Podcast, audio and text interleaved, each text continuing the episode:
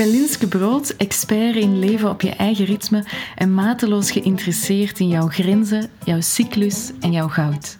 Ik help ondernemende vrouwen vertrouwen op zichzelf. En in deze podcast geef ik antwoord op de vragen die in mijn coachpraktijk het vaakst terugkomen. Samen zetten we je schuldgevoel opzij en ga je vol goesting en vertrouwen voor een droomleven op jouw ritme. Ken je dat gevoel dat je heel de dag voor iedereen in de weer bent en op het einde van de dag er van jouw werk niks in huis gekomen is? Als zelfstandige doe ik in principe heel de dagen vooral wat ik zelf beslis te doen. Maar ook dan merk ik dat het makkelijk is om al mijn tijd te spenderen aan reactief te doen wat er op mij afkomt. Mails beantwoorden, administratie, boekhouding, andere mensen helpen. Voor je het weet is de dag voorbij en heb je weinig gedaan dat echt een verschil gaat maken in je werk en in je leven.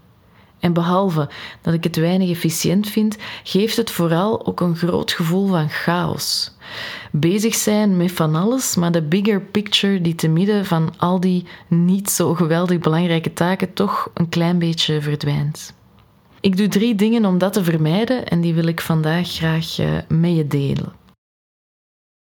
Drie dingen die ervoor zorgen dat wat ik echt belangrijk vind prioriteit krijgt en kan focussen op dat wat ik graag wil doen. Drie dingen die helpen om daar genoeg ruimte voor te maken. Het eerste is het bepalen van wat ik dan precies graag wil. Waar wil je je eigenlijk op focussen? Wat zijn je prioriteiten? Dat is vaak de allermoeilijkste vraag. Het concreet maken van doelstellingen en dromen is niet zo moeilijk, maar het bepalen ervan of het stellen van prioriteiten is een stuk minder evident. Ik zie dat ook in heel wat coachgesprekken. Van zodra iemand weet wat hij graag wil, is het niet zo moeilijk om daar met een concreet plan tijd en ruimte voor te maken.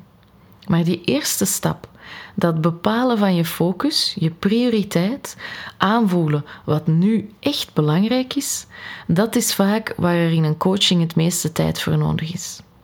Maak daar dus zelf ook tijd voor, om te bepalen waar je blij van wordt en meer van wil in jouw leven.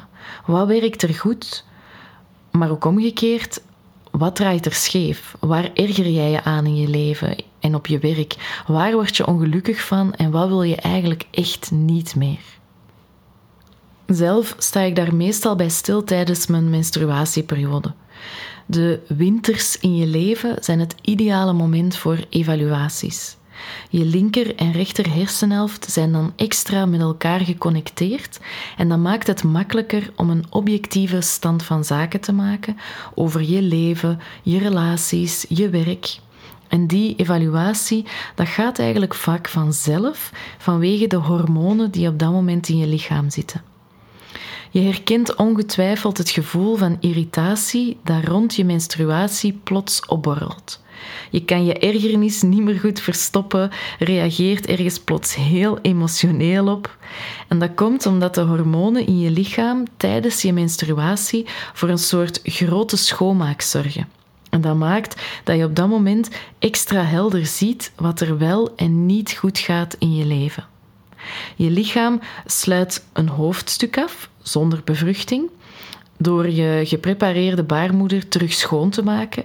En die grote schoonmaak is het ideale moment om letterlijk, maar ook figuurlijk even stil te staan bij wat er wel of niet weggegooid moet worden in je lichaam en in je leven. Je voelt dan tijdens die menstruatie, de winter in jouw cyclus, extra goed aan wat er anders moet in je leven. En zonder er veel moeite voor te doen, zie je op zo'n moment helder wat er nodig is om dat te veranderen. Handig als je het mij vraagt. Ook de winterperiode in het algemeen is een interessant moment om te evalueren.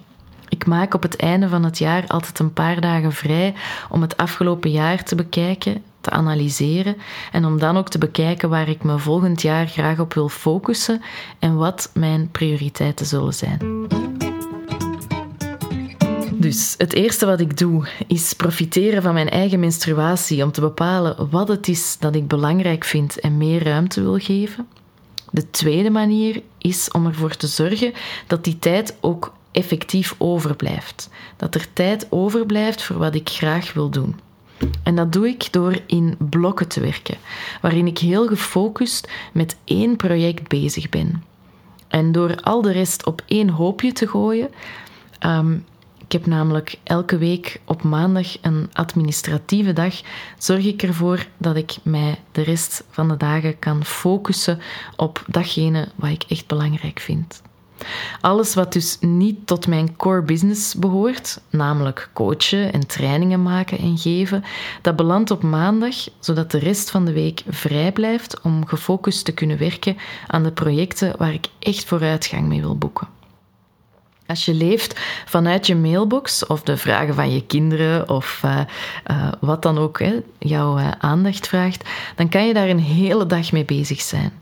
Zorgen en regelen en brandjes blussen, daar is een dag makkelijk mee gevuld. En van je eigen werk komt er dan weinig terecht.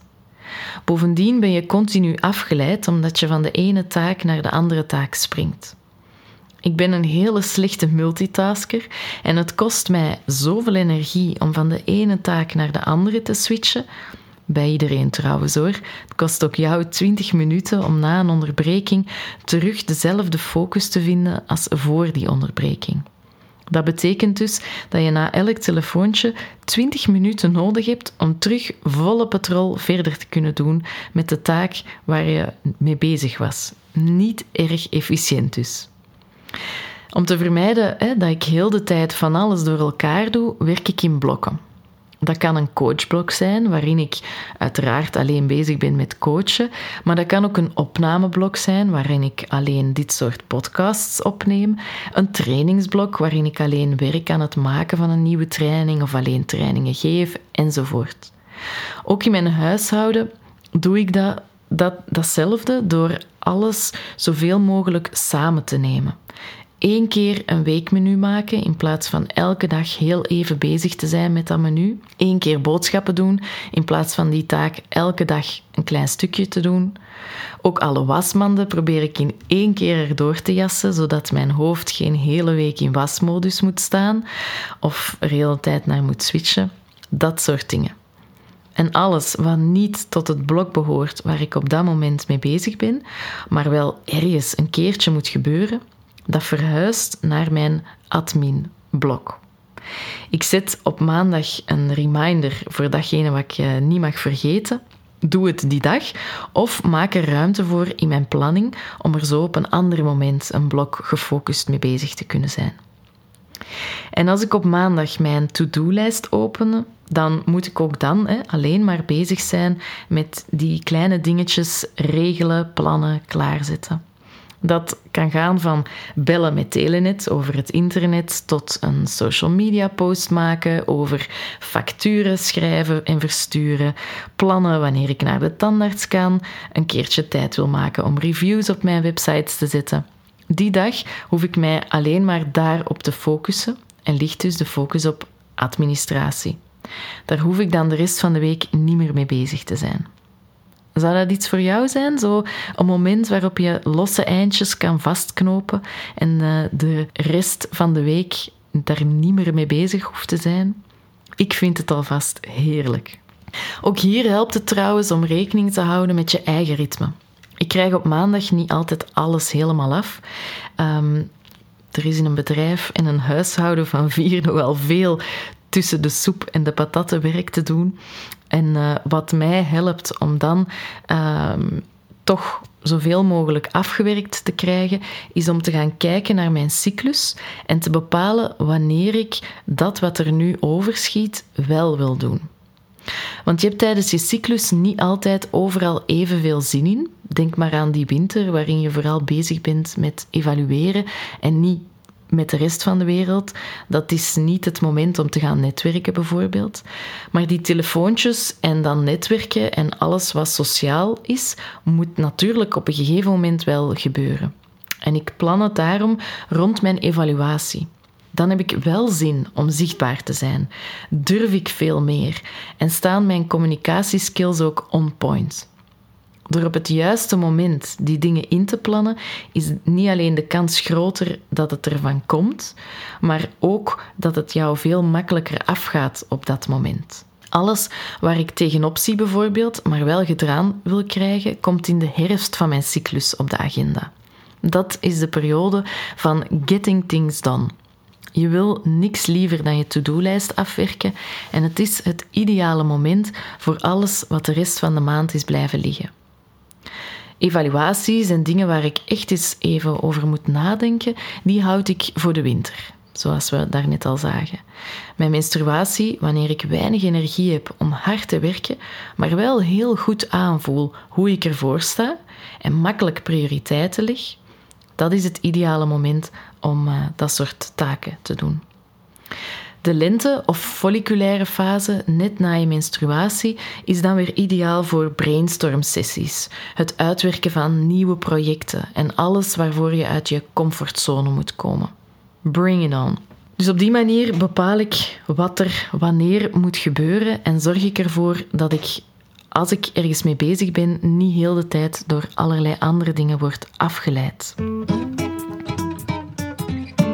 Als laatste wil ik je graag meegeven dat het belangrijk is om heel regelmatig terug te koppelen naar je eigen prioriteiten voor je duikt in alles wat jij mogelijks kan doen.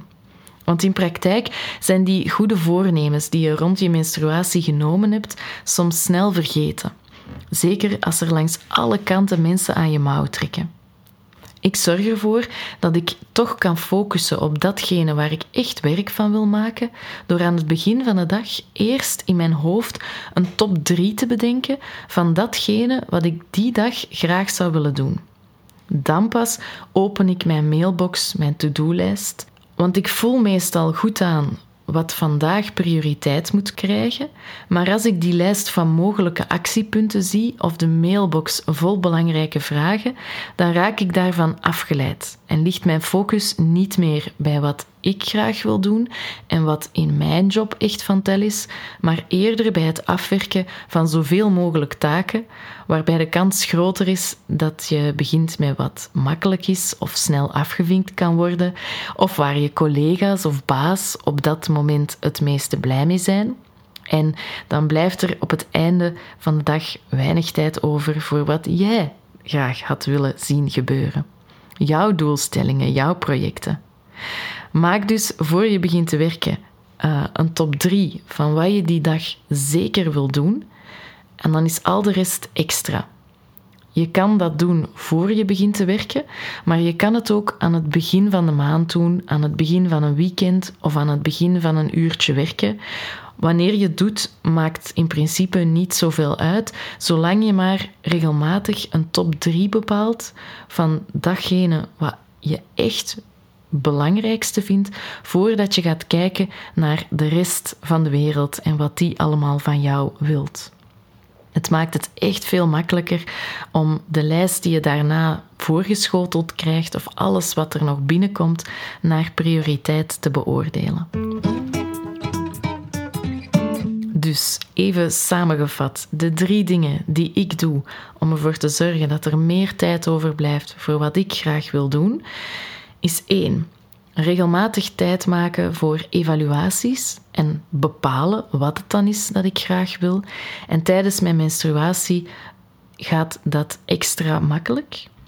Twee, ik werk in blokken, zodat ik mij kan focussen en alle taken die niet tot mijn core business behoren, schuif ik door naar mijn administratieblok. Bij het bepalen van wat ik wanneer doe, hou ik ook rekening met mijn cyclus, zodat ik die kan inzetten als geheim wapen to get things done, of toch meer dingen op het juiste moment te kunnen doen. En drie, ik bepaal voor ik mijn mailbox en to-do-lijst open de drie dingen die die dag prioriteit hebben, zodat ik me niet laat afleiden door andere taken en mensen. Maar nu vraag ik mij natuurlijk af, hoe wil jij ervoor zorgen dat er meer tijd overblijft voor wat je graag wil? Dus is er iets dat je wilt delen, dan doe je me een super groot plezier met een mailtje of een persoonlijk berichtje op Instagram met jouw inzichten, je plannen en ervaringen. Je bent goud waard en ik vind het heerlijk om je te zien stralen en onderweg je cheerleader te mogen zijn, terwijl jij stap voor stap grenzen gaat stellen en helemaal gaat leven op je eigen ritme.